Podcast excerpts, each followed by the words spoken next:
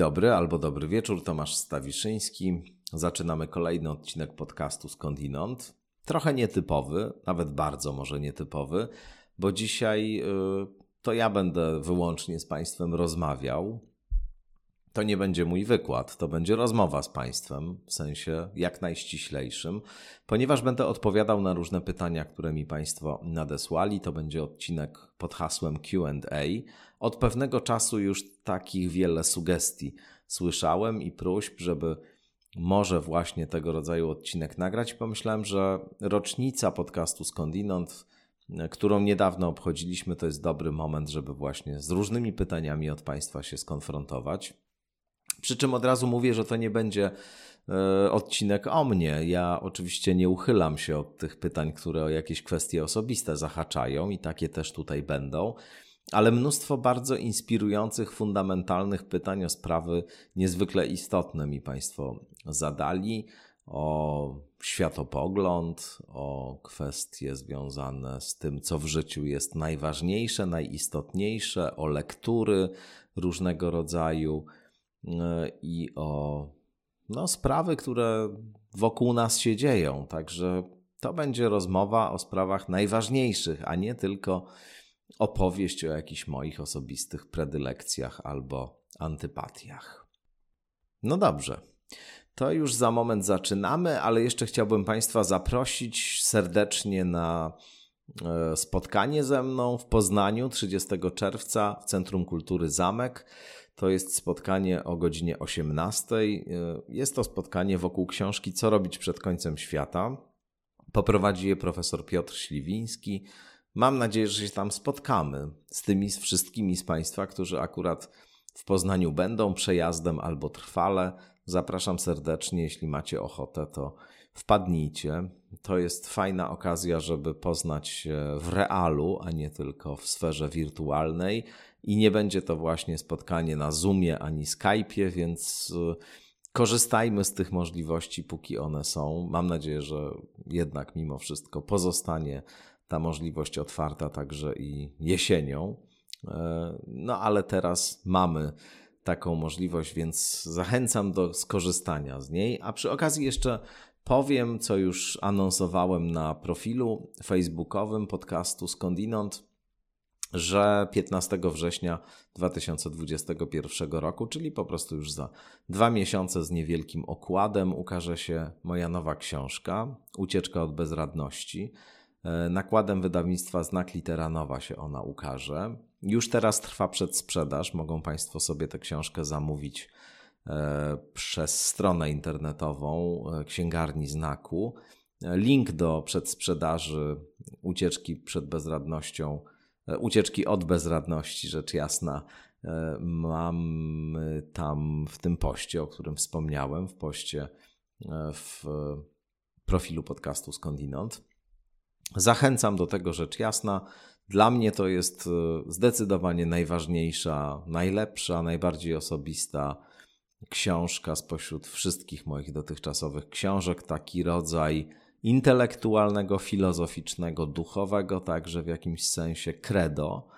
Mm, podsumowanie różnych wątków, tematów, e, które mnie zajmowały przez e, ostatnie lata Książka, która w tym sensie w głowie mojej pisała się bardzo długo, ale powstała w czasie pandemii.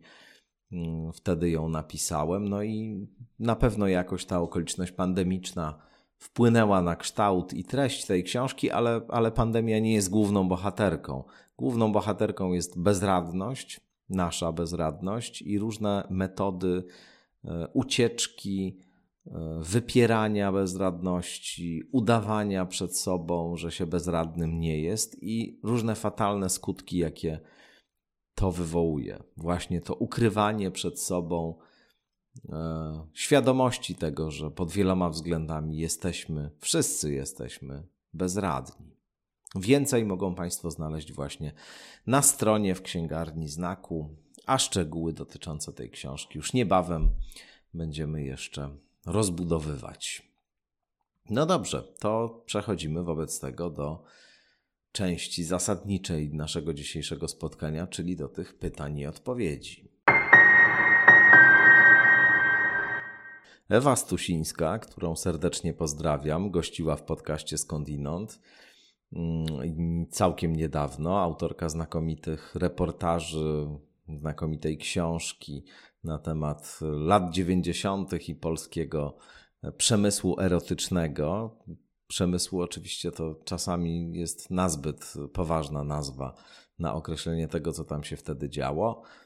Ale o tej książce dużo mówiliśmy, świetna jest, odsyłam Państwa do odcinka z Ewą Stusińską.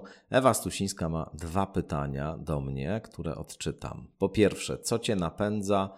Innymi słowy, jak wydobywasz się z lenistwa, gnuśności czy innego marazmu, by być wciąż ciekawym, otwartym na nowe rzeczy?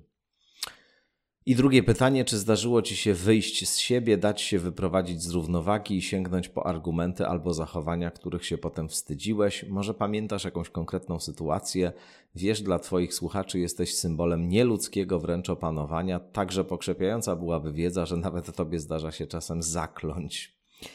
No dobrze, to zacznę od tego drugiego pytania. Otóż yy, oczywiście, że wielokrotnie różne rzeczy wyprowadzają mnie z równowagi i w życiu e, codziennym, tak zwanym, co na pewno z radością potwierdziłaby, znaczy nie wiem czy z radością, ale z pewnością potwierdziłaby moja żona.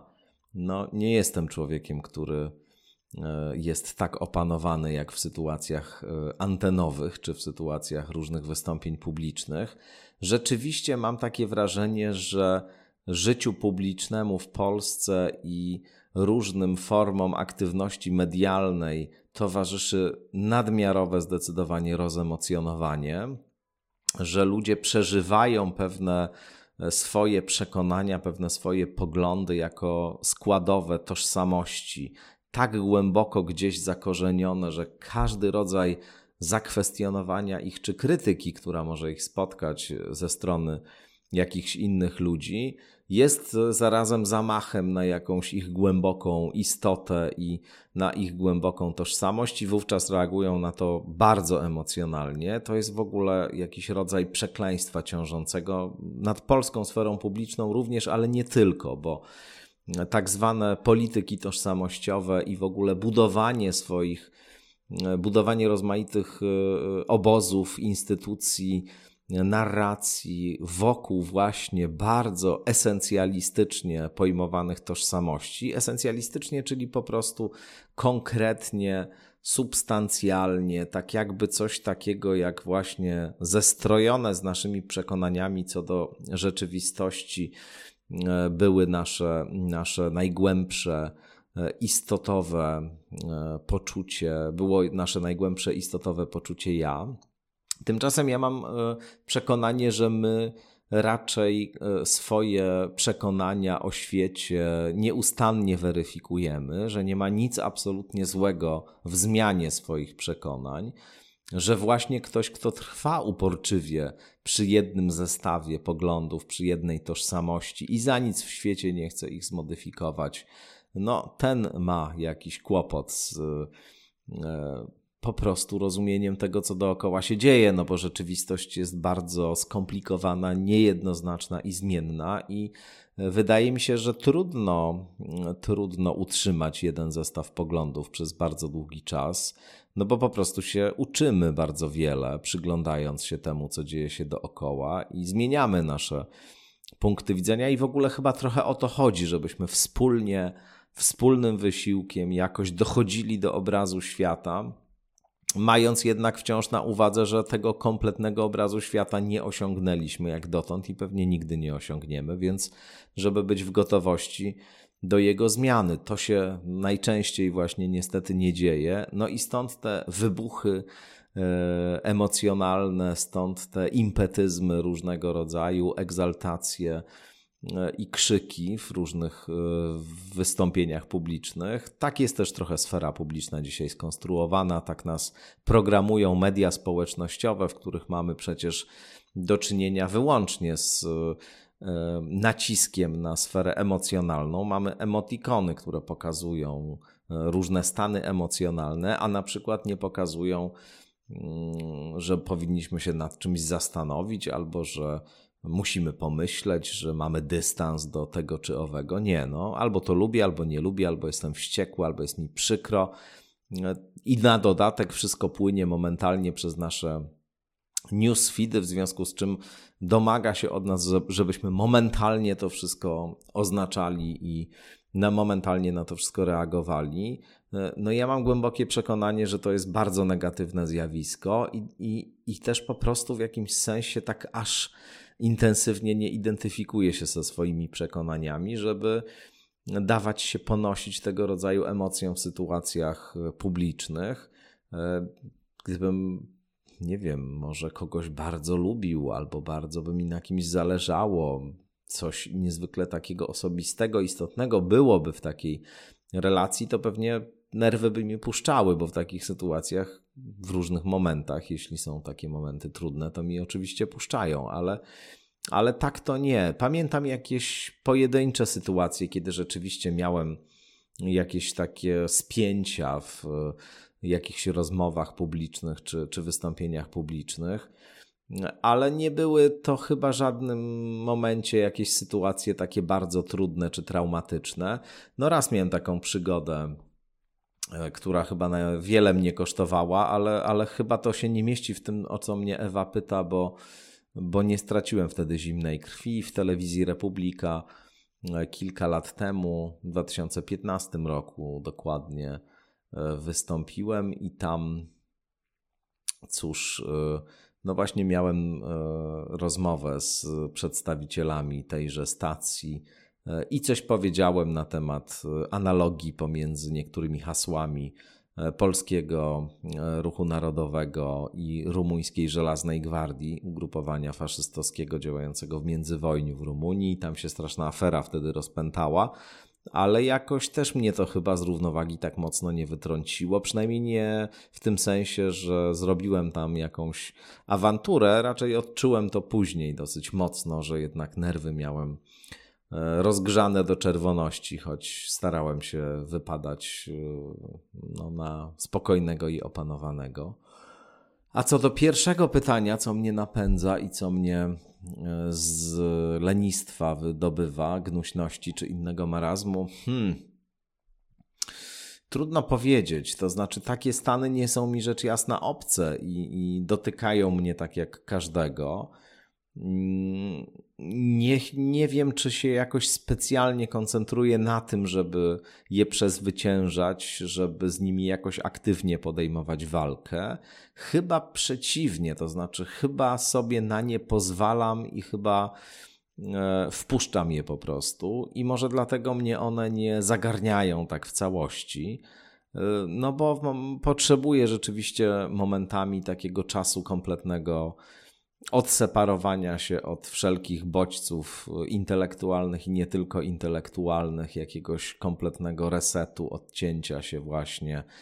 Mm, wtedy, nie wiem, oglądam głupie filmy, seriale, e, leżę w łóżku, nic nie robię i, i to w pewnych dawkach powoduje, że e, mam tę potrzebę zaspokojoną i później już mogę dalej swobodnie robić to, na czym mi zależy i co, co daje mi jakąś radość i ekscytację, więc tak bym chyba na te pytania odpowiedział. Pani Marta Marta bardzo trudne pytanie zadaje. Jakie prawo do szczęścia i zadowolenia ma człowiek, któremu się dobrze powodzi, skoro na świecie ogółem jest tyle zła i niesprawiedliwości? Czy możemy dać sobie prawo do bycia szczęśliwym i zadowolonym mimo całego zepsucia i cierpienia na świecie? Hmm. Trudne bardzo pytanie. Y, powiedziałbym, że odpowiedź może zabrzmieć Państwu kontrowersyjnie. Mm, są tacy etycy, oczywiście, jak Peter Singer, którzy zachęcają do tego, i ja się przyłączam do, do tej zachęty, żeby w sposób aktywny, na tyle, na ile to jest możliwe, wspierać na przykład różne organizacje, które pomagają e, cierpiącym istotom. To nie muszą być istoty ludzkie, to mogą być w ogóle jakieś e, cierpiące istoty, bo cierpienia na świecie jest całe mnóstwo. Myślę, że to jest coś, co możemy bez wątpienia zrobić. Odpisać procent podatku na organizację, która pomaga, nie wiem, chorym dzieciom, bezpańskim psom, e, ludziom żyjącym w takich częściach świata, w których panuje potworna bieda i głód i tak dalej. To na pewno. No w ogóle możemy się angażować na różne sposoby w pomoc innym. Natomiast czy mamy prawo do szczęścia i zadowolenia? Moim zdaniem mamy prawo do szczęścia i zadowolenia, bo też my jako jednostki nie jesteśmy odpowiedzialni za stan świata, nie jesteśmy odpowiedzialni za cierpienie e, innych ludzi na tej całej planecie. Wiele jest czynników, które za takie cierpienie odpowiadają. Wiele jest instytucji powołanych do tego, żeby przeciwdziałać cierpieniu. Wiele jest osób, które w ramach obowiązków, które sprawują i otrzymują za to odpowiednie wynagrodzenie, powinny właśnie tymi kwestiami się zajmować. My też poprzez głosowanie, poprzez wybór e, polityków, których e, uważamy za godnych tego, żeby sprawować jakieś publiczne funkcje, no po prostu delegujemy pewne osoby do tego, żeby tego rodzaju problemy także w naszym imieniu rozwiązywały, ale żyjemy w świecie, w którym nieustannie obciąża się nas odpowiedzialnością za wszystko.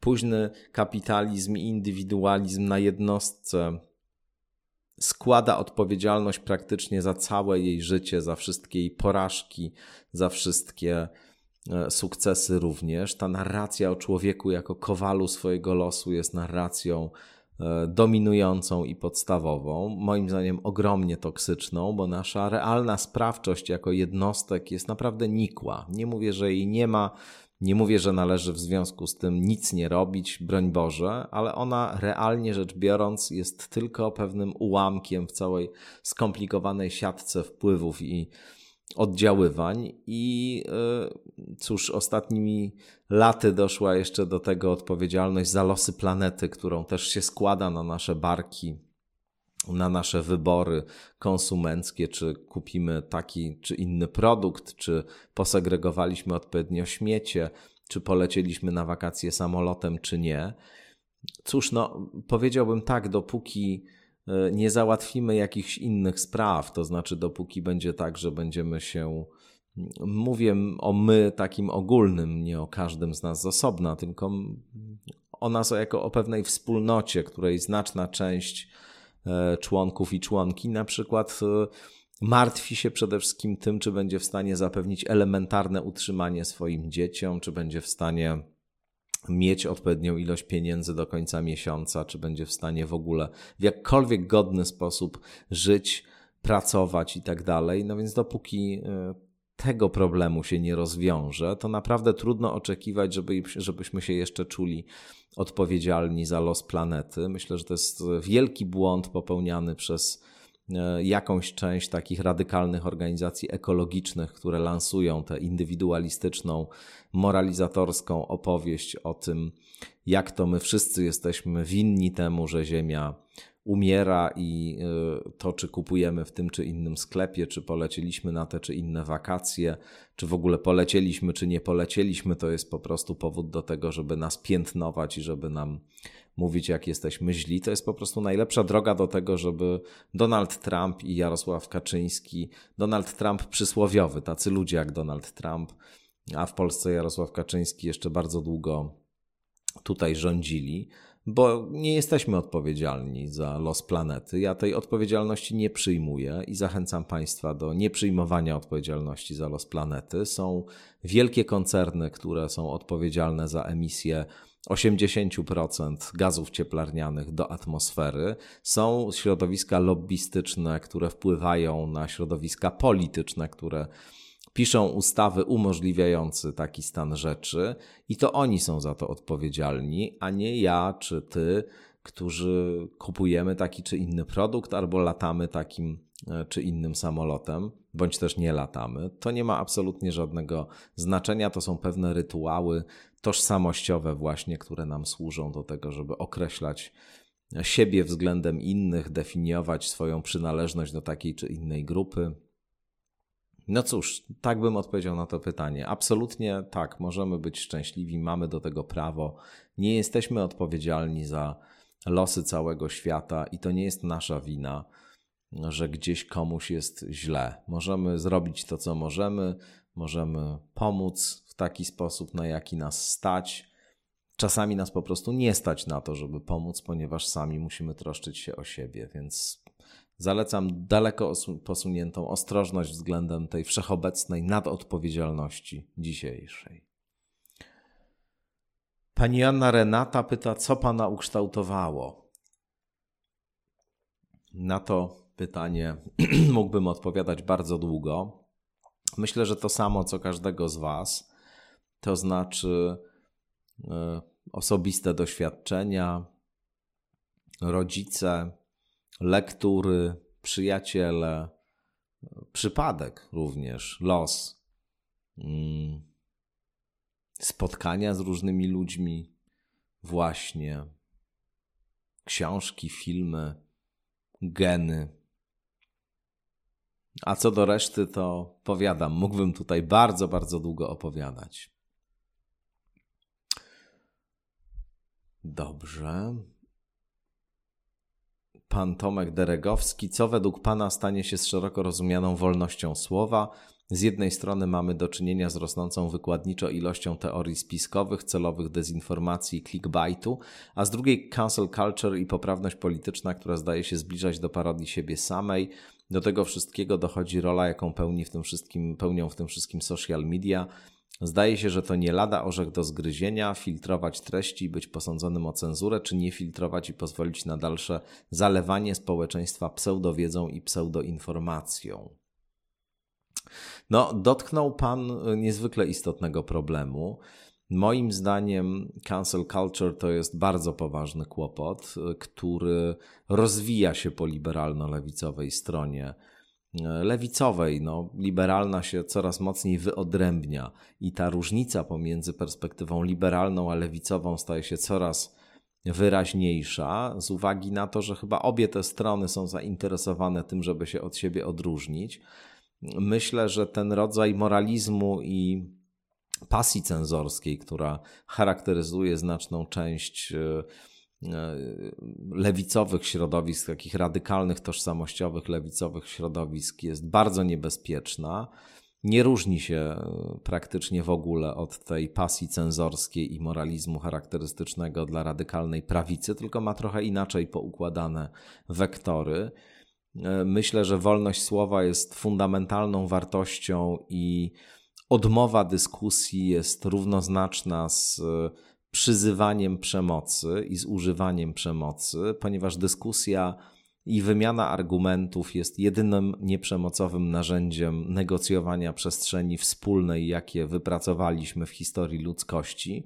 Wszystko inne to przemoc, właśnie, mniej lub bardziej bezpośrednia, mniej lub bardziej e, konkretna. Może być też oczywiście przemoc e, używana w sposób całkowicie pozbawione elementu y, inwazji fizycznej. No, nie wiem w jaką stronę to pójdzie. Mam wrażenie, że już się zaczyna pewien rodzaj backlashu, y, czyli takiej reakcji zwrotnej na ten rodzaj y, zapamiętania się w moralizmie i pasji cenzorskiej, do jakiego środowiska część środowisk lewicowych doszła, że już coraz więcej jest głosów sprzeciwu wobec tego, co tam się dzieje i Coraz mocniej też e, rozmaite osoby, które są zaangażowane w debatę publiczną i same mają lewicowe poglądy, dostrzegają, że to jest jakaś ślepa uliczka i że to prowadzi e, do zjawisk negatywnych zdecydowanie, a nie pozytywnych, i, i no, bardzo wyraźnie to widać w tej e,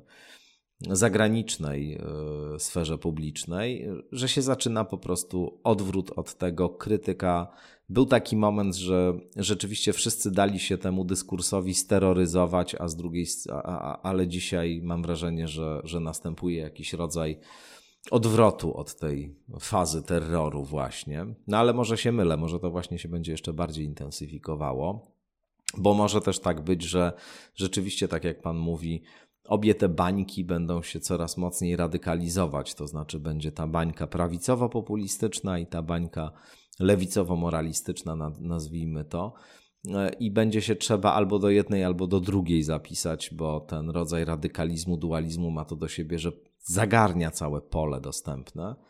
Mm, no i właśnie, to jest rzeczywiście, rzeczywiście bardzo niebezpieczne. Ja myślę, że, że jedynym, co można teraz zrobić, to po prostu się starać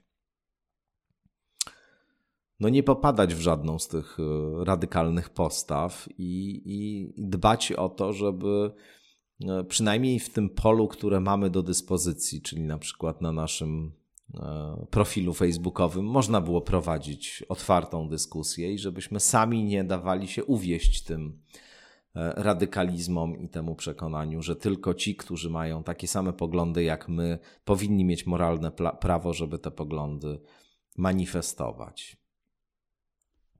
Paweł Szczabel pyta mnie, jakie są, e, jaka jest moja opinia o książce Jezus nie Chrystus Piotra Augustyniaka. E, bardzo aprobatywna jest moja opinia o książce Jezus nie Chrystus. E, to jest świetna książka i bardzo ją Państwu polecam. Zresztą wkrótce w skądinąd będą Państwo mogli wysłuchać rozmowy z Piotrem Augustyniakiem, bo na czas wakacyjny to od razu też powiem, E, przewidziałem dla Państwa publikację rozmów, które prowadziliśmy wraz z doktorem Pawłem Boguszewskim, znanym Państwu, bo częstym gościem podcastu Skądinąd, e, z różnymi gośćmi naszymi w ramach cyklu Filozofia w Ogrodzie w ostatnim roku E, w Teatrze Powszechnym w wersji wirtualnej, bo to były spotkania na Zoomie. Prowadziliśmy taki cykl rozmów o religii z różnych perspektyw i różnych stron. Piotr Augustyniak był właśnie naszym gościem wtedy. No i owoc tej rozmowy już wkrótce usłyszą Państwo w podcaście Skądinąd, podobnie jak inne rozmowy z tego cyklu zarejestrowane. Myślę, że to będzie bardzo ciekawe, ぼ bardzo wiele z tych rozmów to były naprawdę świetne, świetne rozmowy. Jakub Andriańczyk, jakie dałbyś rady dwudziestoletniemu sobie? Czy masz jakiś ostateczny zawodowy cel? Jeśli tak, to jaki?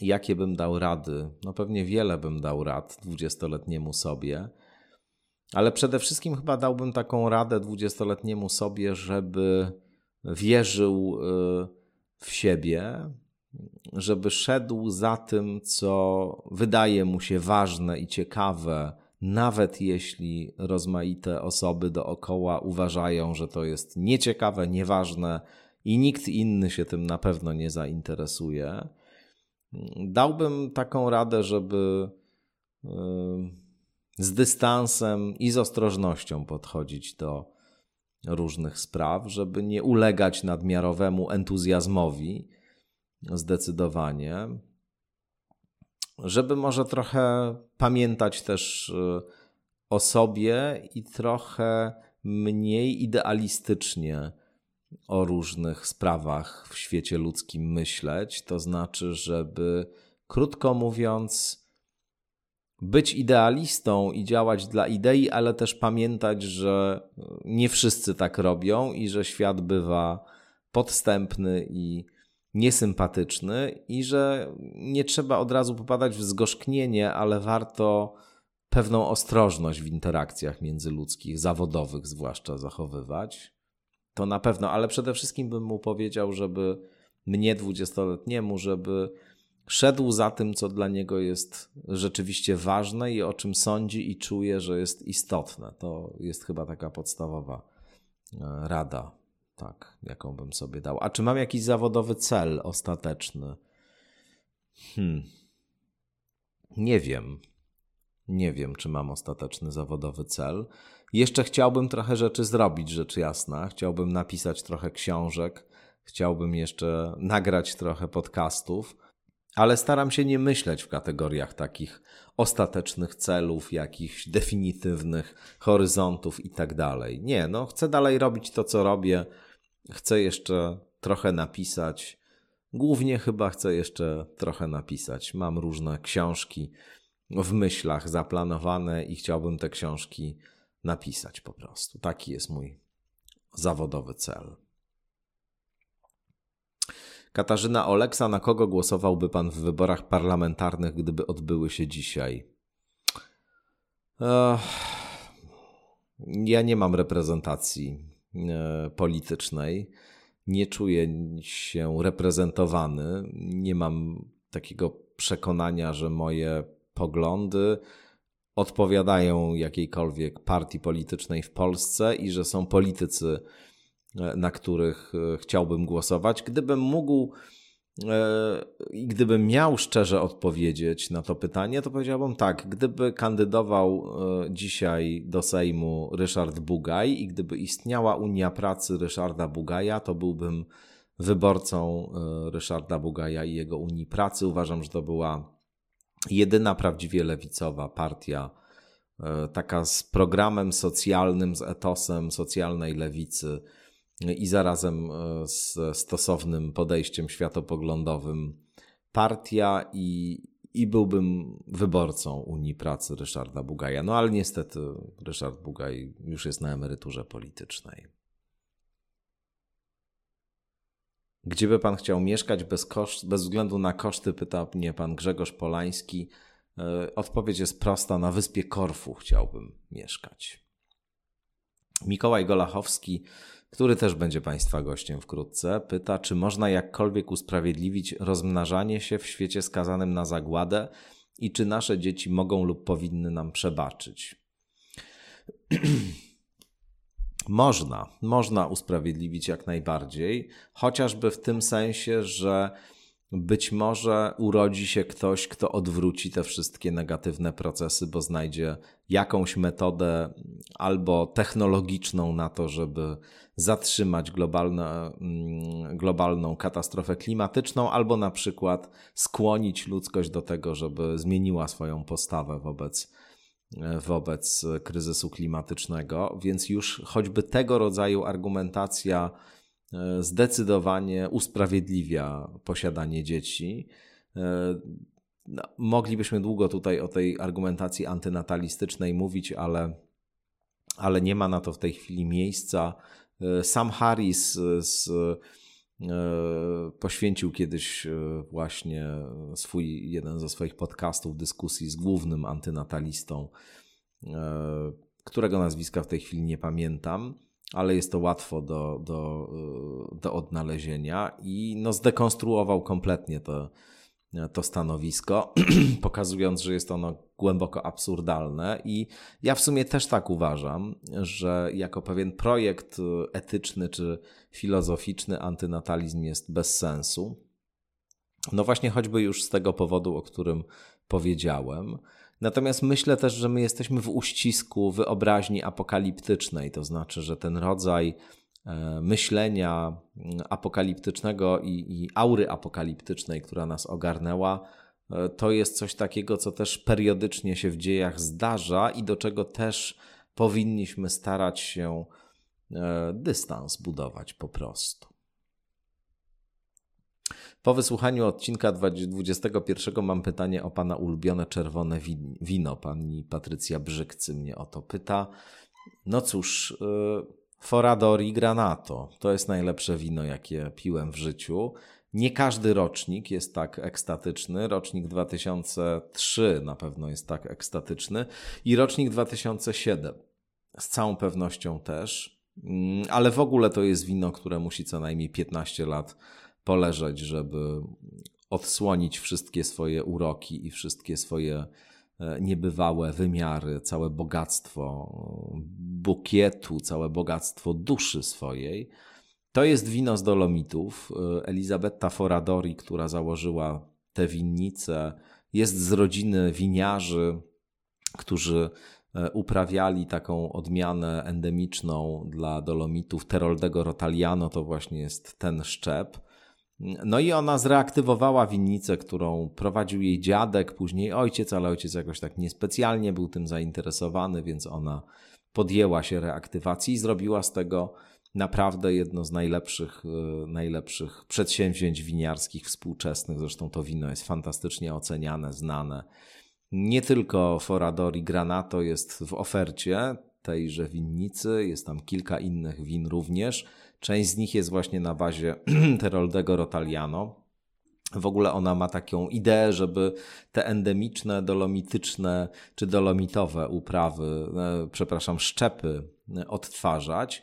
I e, no i właśnie to robi. Można w Polsce swobodnie te wina kupić, bardzo polecam, tylko jak powiadam, żeby docenić granato specyficznie, trzeba dać mu 10 lat y, co najmniej. 10 lat to jest minimum. A jeśli chodzi o inne wina z tej winnicy, to, to, to już można pić po krótszym czasie. Pan Kacper Arturowicz pyta, co mnie w trakcie studiów e, psychologicznych czy oraz filozoficznych najbardziej zajmowało. Ja studiowałem psychologię, ale nie skończyłem e, psychologii, a, a skończyłem filozofię, którą też studiowałem.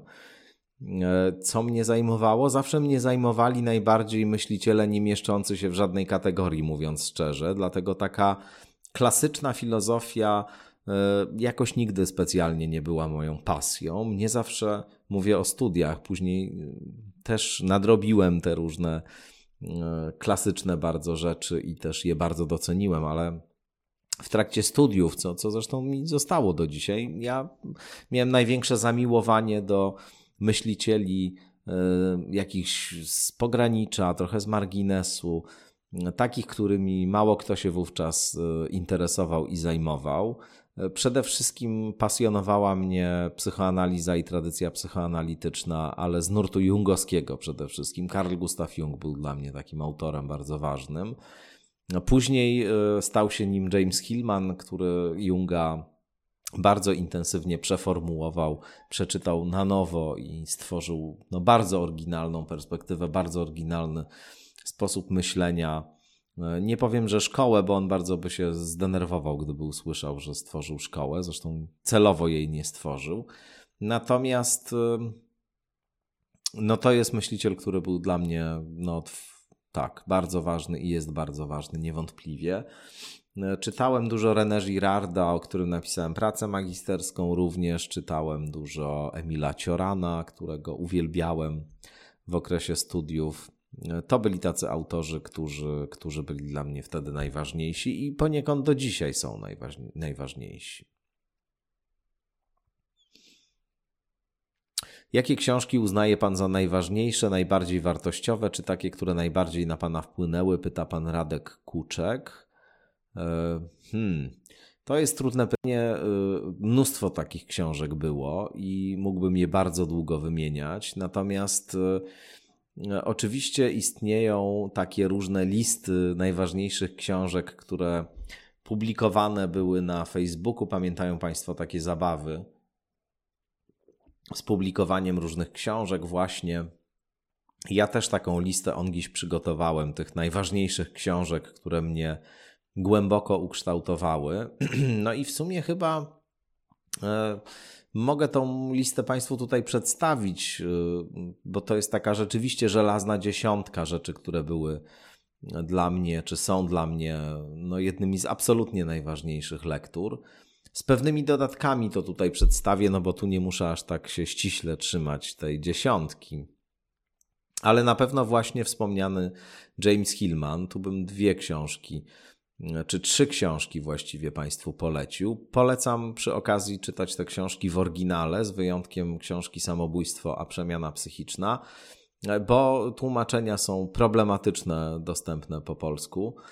Poza właśnie tą, tym tłumaczeniem Dariusza Rogalskiego, mogą być trudne w lekturze, są e, trochę takie rozbuchane, powiedziałbym językowo, co nie koresponduje z elegancką E, i taką bardzo skromną, powiedziałbym, prozą e, Hillmana. Revisioning Psychology, czyli rewizja psychologii, to jest naprawdę niesamowita książka, która, mnóstwo takich schematów różnych, głębokich i stereotypów zakorzenionych w naszym myśleniu demontuje i dekonstruuje. Jamesa Hillmana również Samobójstwo, a przemiana psychiczna. To jest książka, która mną kiedyś wstrząsnęła, muszę powiedzieć, i to nawet w sensie dosłownym, bo ja ją kupiłem w 96 roku jako osiemnastolatek. Pamiętam w księgarni Liber w Warszawie jedno z najlepszych miejsc na niestety kurczącej się coraz bardziej księgarskiej mapie tego miasta. I bardzo długo ta książka u mnie stała na półce. Ja w ogóle nie byłem w stanie jakoś w nią wniknąć. Próbowałem parokrotnie ją czytać, ale za każdym razem ona mi się wydawała jakaś upiornie radykalna i, i wydawało mi się, że to jest jakaś perspektywa zupełnie szalona. Ja tego nie będę w stanie przyjąć i któregoś dnia spadła mi ona na głowę po kilku latach od, od ostatniej próby lektury. Dosłownie spadła mi na głowę. Po prostu jakoś się obsunęła i, i wylądowała na moim czole. I zacząłem ją wtedy czytać, i wstrząsnęła mną w drugi, w drugim sensie. To znaczy, rzeczywiście stała się e, lekturą e, formacyjną głęboko i taką, która w ogóle zmieniła kompletnie o 180 stopni w moim intelektualnym życiu wszystko. To jest niezwykle radykalna, niezwykle głęboka i niezwykle mądra książka której, jak powiadam, trzeba trochę dać kredyt zaufania, bo trzeba trochę przyzwyczaić się do języka, na przykład, jakim jest napisana, zupełnie innego niż język, do którego przywykliśmy w lekturach filozoficznych czy psychologicznych. No i przede wszystkim ta perspektywa, którą on pokazuje, jest niezwykle, niezwykle radykalna, jak na różne normy, standardy i wartości, które mm, definiują cały nasz sposób myślenia o życiu i śmierci i o samobójstwie. Ale to naprawdę była jedna z lektur najbardziej, najbardziej wstrząsających dla mnie. Dalej Lawrence Durrell oczywiście, który pewnie jakoś może tym z Państwa, którzy dużo moich audycji e, słuchają, już wpadł w ucho. E, dlatego zresztą chciałbym mieszkać na wyspie Korfu, bo tam po raz pierwszy pojechałem śladami Lorenza Durella i jest tam jego dom. Tylko nie polecam jedzenia w tym domu, w restauracji, która się tam mieści, bo niestety. No, gdyby Durel wiedział, co tam w tej restauracji dzisiaj podają, to naprawdę z jego zamiłowaniem do kulinariów mm, z pewnością byłby z tego powodu bardzo niezadowolony. Kwartet aleksandryjski Lorenza Durella Justyna, Baltazar, Montolive, Klea.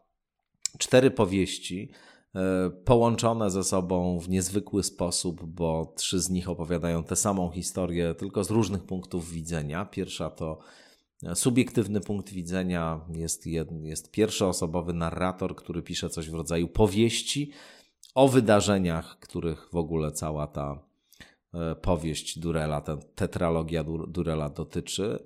Druga książka, czyli Baltazar, e, to jest książka, w której ów e, bohater, ów narrator posyła tę pierwszą książkę, czyli Justynę, do jednego z bohaterów wydarzeń w niej opisywanych i powiada: Słuchaj, może ja czegoś nie wiedziałem, może ja miałem jakiś wykrzywiony obraz niektórych sytuacji, proszę cię, przeczytaj tę moją książkę i powiedz, czy to rzeczywiście tak było, jak ja opisuję, czy może gdzieś się myliłem.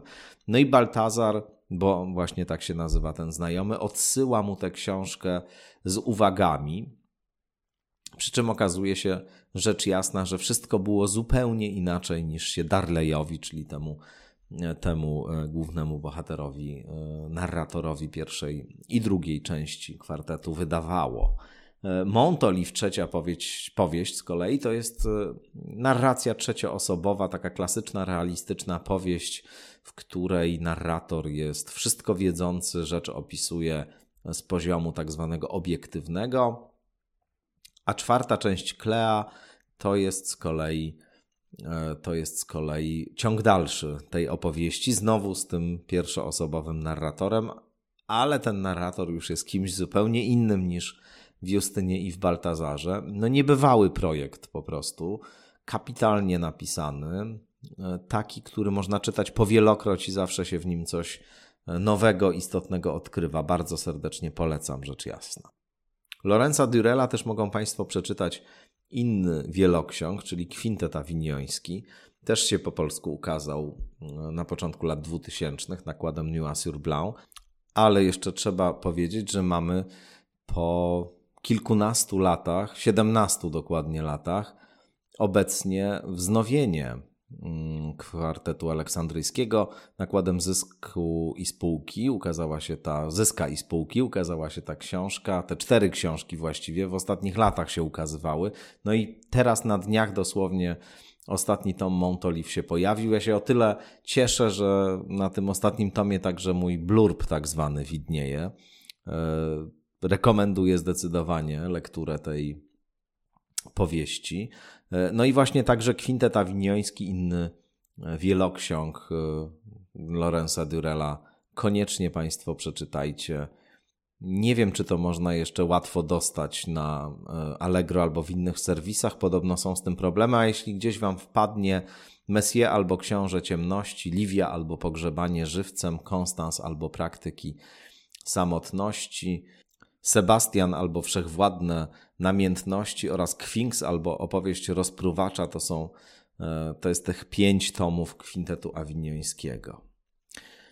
Kolejna rzecz to Dostojewski i notatki z podziemia. To jest po prostu esencjalna Dostojewszczyzna. To jest jedna z najgłębszych e, psychologicznych analiz, jakie znam.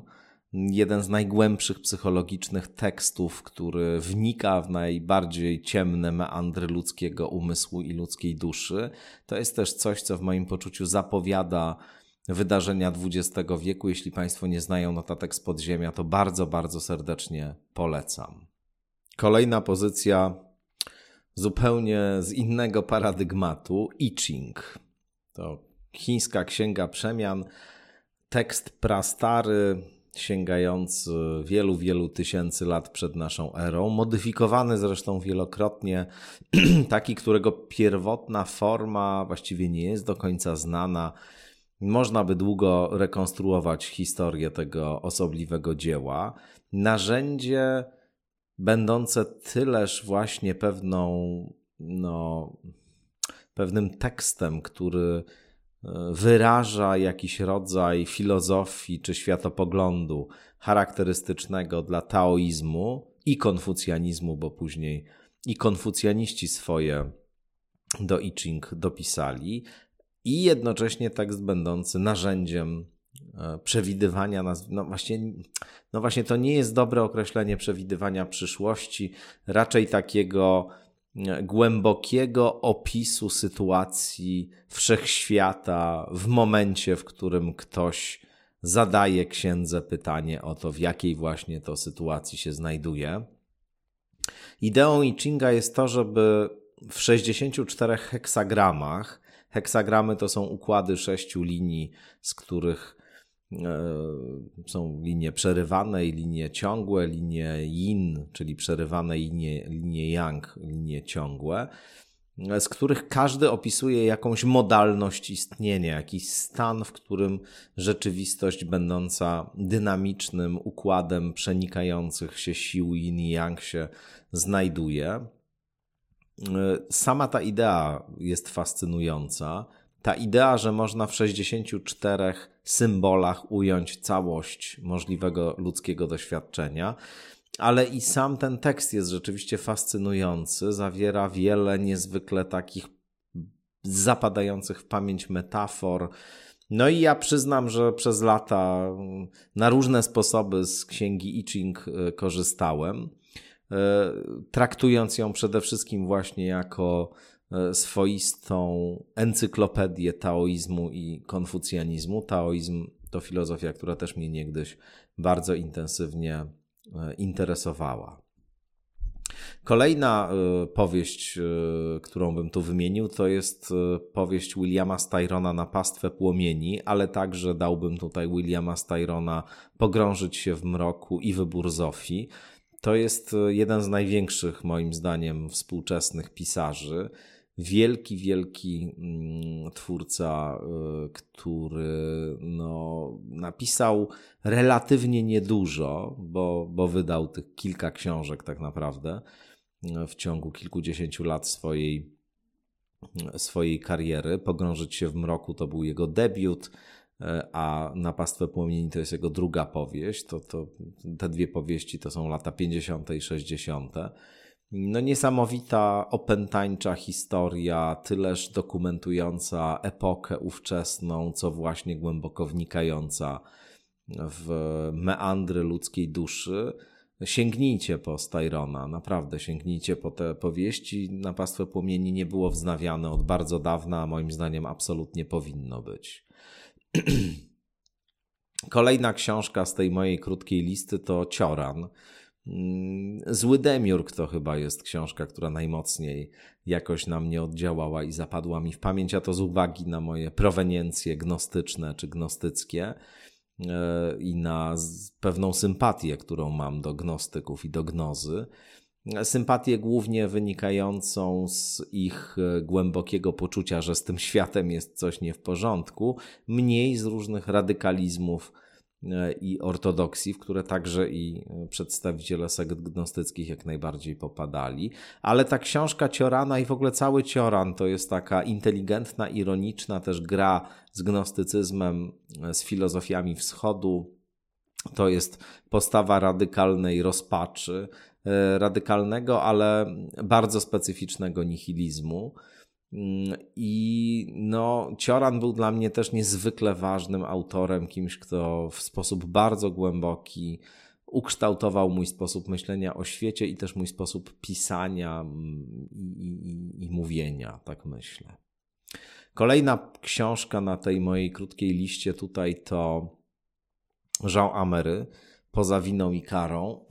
To jest książka, o której właściwie trudno rozmawiać. Tę książkę po prostu y, trzeba przeczytać. To jest jeden z najbardziej poruszających, najbardziej głębokich, niezwykłych tekstów, będących świadectwem doświadczenia Holokaustu. Amery Żyd belgijski, który, e, który przetrwał Holokaust, y, no ale który napisał o tym taką książkę. Mm, Szukam słów tak naprawdę, żeby opisać to, co on tam zawarł, bo zawarł tam radykalną krytykę zachodniej kultury i zachodniej cywilizacji. Zawarł tam też manifest egzystencjalny, powiadając: To jest doświadczenie, które nieodwołalnie mnie złamało. Stało się doświadczeniem, którego przekroczyć nie jestem w stanie, które na które nie ma żadnych kategorii, nie ma żadnych e, metod, żeby sobie z nim poradzić. E, to jest książka w jakimś sensie pisana w dialogu z dziełami Primo Leviego czy Wiktora Frankla, czyli takich autorów, którzy no, pokazywali, że dalsze poczucie sensu po takim doświadczeniu jest możliwe, że można dalej wierzyć w sens życia po tego typu sytuacji. Można także wierzyć w Boga po, takiego, po tego typu sytuacji. Tymczasem Amery mówi coś dokładnie odwrotnego i mówi to w sposób przejmujący i głęboki. Myślę, że bardzo uczciwy, bez cienia takiej potrzeby racjonalizowania, przykrywania różnych rzeczy. No po prostu staje twarzą w twarz z pewną okropnością, nicością tego wszystkiego, co Holokaust ujawnił tego przepastnego, nie, nieprawdopodobnego okrucieństwa ludzkiego. Niezwykła książka, niezwykła książka. No, musi tutaj się znaleźć na tej liście także Jorge Luis Borges z Alefem i fikcjami przede wszystkim. To są dwa zbiory opowiadań, które pamiętam kiedyś kompletnie mnie, powiem kolokwialnie, wystrzeliły w kosmos.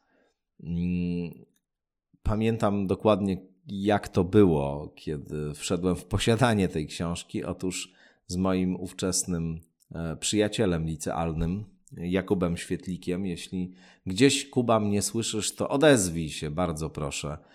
Na pewno mnie znajdziesz przez Facebooka. E, bardzo chętnie bym odświeżył naszą znajomość, bo dawnośmy się nie widzieli. Jakoś tam się próbowałem skontaktować, ale z tobą, ale nie znalazłem kanałów dostępu do ciebie. W każdym razie, pojechaliśmy kiedyś z tym moim kolegą w e, drugiej klasie liceum bodaj, mm, albo w pierwszej, nie, to już w drugiej było, na wakacje w góry. No i jak to osobnicy o dyspozycjach raczej do no właśnie zatopia, zatapiania się w lekturach, a nie jakiegoś tam dzikiego E, imprezowania wówczas, e, wzięliśmy sobie po prostu e, Williama Shakespeare'a w całości do czytania. No i dość szybko żeśmy tego Williama Shakespeare'a przeczytali, bośmy tylko siedzieli i czytali głównie. Mm, mało żeśmy wtedy peregrynowali po górach, jak pamiętam. No i ja już z braku lektur pojechałem do księgarni w Żywcu, pamiętam, i tam nabyłem właśnie ów tom, ale i fikcję Borgesa i powiem szczerze, że ta lektura, no właśnie, to była lektura, która no w ogromny sposób zmodyfikowała mój, mój sposób myślenia i o literaturze, i o świecie. No niezwykle to była formacyjna dla mnie lektura, zwłaszcza takie opowiadania jak tytułowy Alef, albo Biblioteka Babel na przykład. E, Zahir to są takie teksty, które, które no naprawdę też trzeba to po prostu przeczytać, żeby, żeby rozumieć, dlaczego one mogą w głęboki sposób e, trans, przetransformować e, wewnętrzne doświadczenie. Nathaniel West, Miss Lonely Hearts i w sercu kraju Johna Maxwella Kuciego to bym dał e, jako takie kolejne e, książki dla mnie bardzo ważne i formacyjne. Nathaniel West, przyjaciel Francisa Scotta Fitzgeralda, też zmarły młodo, też w wypadku samochodowym. E, niezwykle e, e, taki zdolny młody pisarz, właśnie, który przedwcześnie odszedł, a który zostawił kilka, kilka dosłownie tekstów, z których Miss Lonely Hearts i Dzień Szarańczy są najważniejsze, ale Miss Lonely Hearts to jest opowieść o pogrążaniu się w szaleństwie o takim stopniowym, stopniowej utracie kontaktu z rzeczywistością. Jedna z najlepszych takich literackich reprezentacji tego tematu, jakie znam, obok właśnie książki W sercu kraju Johna Maxwella Cutsiego, czy Cutsi właściwie, bo tak się chyba powinno zgodnie z e, zasadami e, czytania nazwisk z RPA e, właśnie to nazwisko czytać. W sercu kraju to też jest powieść nie, niebywała. Y, moim zdaniem najlepsza powieść Kutsi. Właśnie z y, uwagi na ten niezwykle drobiazgowy, niezwykle głęboki opis procesu pogrążania się w szaleństwie. No i kolejnym takim tekstem bardzo ważnym to jest y, Drzewo Nocy. To jest opowiadanie Trumana Capote, Tree of Night. Wracam do tego tekstu wielokrotnie, czytałem go setki razy chyba. To jest krótkie opowiadanie, niesamowite, jedno z najlepszych opowiadań absolutnie, które znam. Ciarki mi chodzą po plecach za każdym razem, kiedy je czytam. Bardzo Państwu polecam lekturę Drzewa Nocy. No to na tym bym na razie zamknął tę listę. Jeśli coś mi e, jeszcze w kolejnej odsłonie QA, bo pewnie kolejna będzie musiała być, bo dzisiaj to nie odpowiem nawet na połowę tych Państwa pytań przyjdzie do głowy, to na pewno, a jest tych książek całe mnóstwo, jak podkreślam, mógłbym tu wymieniać i wymieniać, to na pewno e, do tego wrócę, ale najpierw taka dziesiątka na początek tych najważniejszych książek, które e, wymieniam od razu odruchowo, kiedy myślę o tym, co mnie najgłębiej ukształtowało. Szabli czy Primitivo? pyta mój dobry kolega Radek Korzycki. E, no cóż, to zależy. To jest oczywiście głęboko filozoficzne pytanie, bo szabli i prymitywo to są dwa e, gruntownie odmienne sposoby doświadczenia rzeczywistości, myślenia o świecie, e, postrzegania go i doświadczania go, powiedziałbym, każdym ze zmysłów. Różnie, różnie. Raczej primitivo to jest dominanta zdecydowana raczej y, melancholia, y, raczej pewien rodzaj zamiłowania do czegoś mrocznego, ale i y, słodkiego zarazem, intensywnego i, i no właśnie takiego napełnionego to nostalgią zarazem.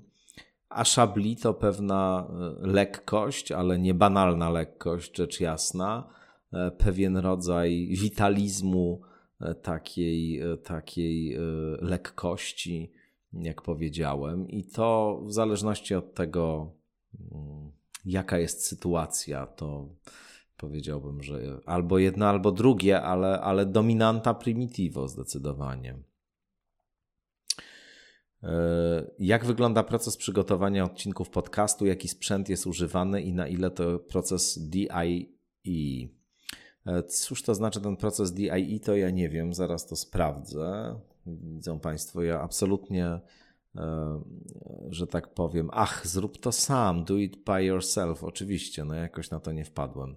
Ale to podkreśla, że nie przygotowywałem się specjalnie do tego, żeby tych odpowiedzi udzielać, bo nie chciałem tutaj nic Państwu z kartki czytać, tylko e, odpowiadam szczerze, tak jak myślę, nie e, przemyśliwując gruntownie tego, co powiem wcześniej.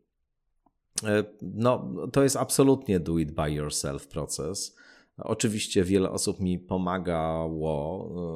E, nauczyłem się sporo od e, moich znajomych z toku. Adam Szuraj bardzo mi pomógł, realizator z Radia Tok FM, wiele mnie nauczył, jeśli chodzi o, o te kwestie. No i pomagała mi też tutaj nieraz Kasia Murawska, moja wydawczyni z Stoku. Ale to jest przede wszystkim dzieło moje własne, owszem. Jakiego używam sprzętu? Używam y, Presonus Audio Box i2. To jest taka przystawka nagrywająca, którą się podłącza do komputera. Y, używam programu Audacity albo platformy Zencast do, do nagrywania rozmów y, zdalnych. Teraz akurat nagrywam za pośrednictwem Audacity właśnie te odpowiedzi dla Państwa. Mam dwa mikrofony Marantz MPM 1000. Bardzo dobre mikrofony, bardzo je polecam. No i to jest de facto wszystko, co, co potrzeba do tego, żeby zrobić podcast w sensie technicznym. Oczywiście no, nie nagrywam tego w profesjonalnym studiu, mam tu różne osłony, które powodują, żeby na przykład pogłos był e, mniej intensywny i tak dalej, ale, ale do jakości takiej, jaką chciałbym uzyskać, jeszcze trochę mi daleko do tej jakości technologicznej, ale mam w planach rozwijanie tego podcastu na różne sposoby, co także dzięki e, dotacjom, subskrypcjom jest możliwe. E, inny mój kolega, mój tak naprawdę przyjaciel, jeden, jeden z najważniejszych ludzi w moim życiu, pyta, Darek Misiuna, jaki jest twój ulubiony piosenkarz i dlaczego jest to Bunbury? O, to mógłbym długo opowiadać. Zamknę ten, e, tę część e, Q&A dzisiejszą opowieścią o Bunburym, ale nie chciałbym rzecz jasna w żaden sposób tutaj e, szantażować Państwa emocjonalnie i zmuszać do tego, żebyście słuchali Bunburego i żeby się Wam podobał. Ale rzeczywiście usłyszałem go w 1993 roku, kiedy to na listach przebojów różnego rodzaju triumfy święcił, święcił utwór Entre dos Tierras autorstwa zespołu Eroes del Silentio, którego Enrique Bunbury był wówczas liderem i wokalistą i no, to mój nieżyjący już przyjaciel Hubert Panowski przyniósł gdzieś kasetę z E, płytą Eroes del Silentio, z albumem Eroes del Silentio, El Spiritu del Vino. E, to był trzeci album w historii tego zespołu. Akurat Entre dos Tierras pochodzi z, z wcześniejszego albumu Senderos de Traición, ale, ale to akurat była pierwsza e, zwarta produkcja tego zespołu, jaką usłyszałem. No i powiem szczerze, że tam nie wszystko zachwyciło i głos przede wszystkim e, i no, niezwykle subtelne melodie, konstrukcje e, utworów, jakaś niebywała charyzma, która tam była. No i zacząłem słuchać Res del Silentio. Później w 95 roku, szóstym roku e, właściwie ten zespół się rozpadł po wydaniu jeszcze jednej płyty Avalancha. E, no, a Bunbury zaczął so, solową karierę i, i, dziś oczywiście nie ma żadnego problemu, żeby te e, utwory zdobyć. Można słuchać tych albumów dosłownie sekundę po tym, jak zostaną opublikowane, ale wtedy, ponieważ nie sprzedawano e, tych płyt Bunburego w Polsce, ROS del Silentio można było jeszcze kupić, ale Bunburego nie, no to musiałem jakieś niezwykłe ekwilibrystyki wykonywać, żeby dotrzeć do tych nagrań. Mój przyjaciel z e, Hiszpanii, Jesus Cuenca Rodriguez, który mnie hiszpańskiego języka uczył e, e, wówczas, by, był tutaj w Polsce przez pewien okres, później wyjechał z powrotem do Hiszpanii, ale byliśmy w stałym kontakcie, korespondowaliśmy i on mi przysyłał, pamiętam, i wycinki z gazet dotyczące Bunburego i, i później płyty. Ale jeśli miałbym tak e, na poważnie powiedzieć, dlaczego akurat ten artysta jest mi bliski, to powiedziałbym tak. Po pierwsze, rzeczywiście to jest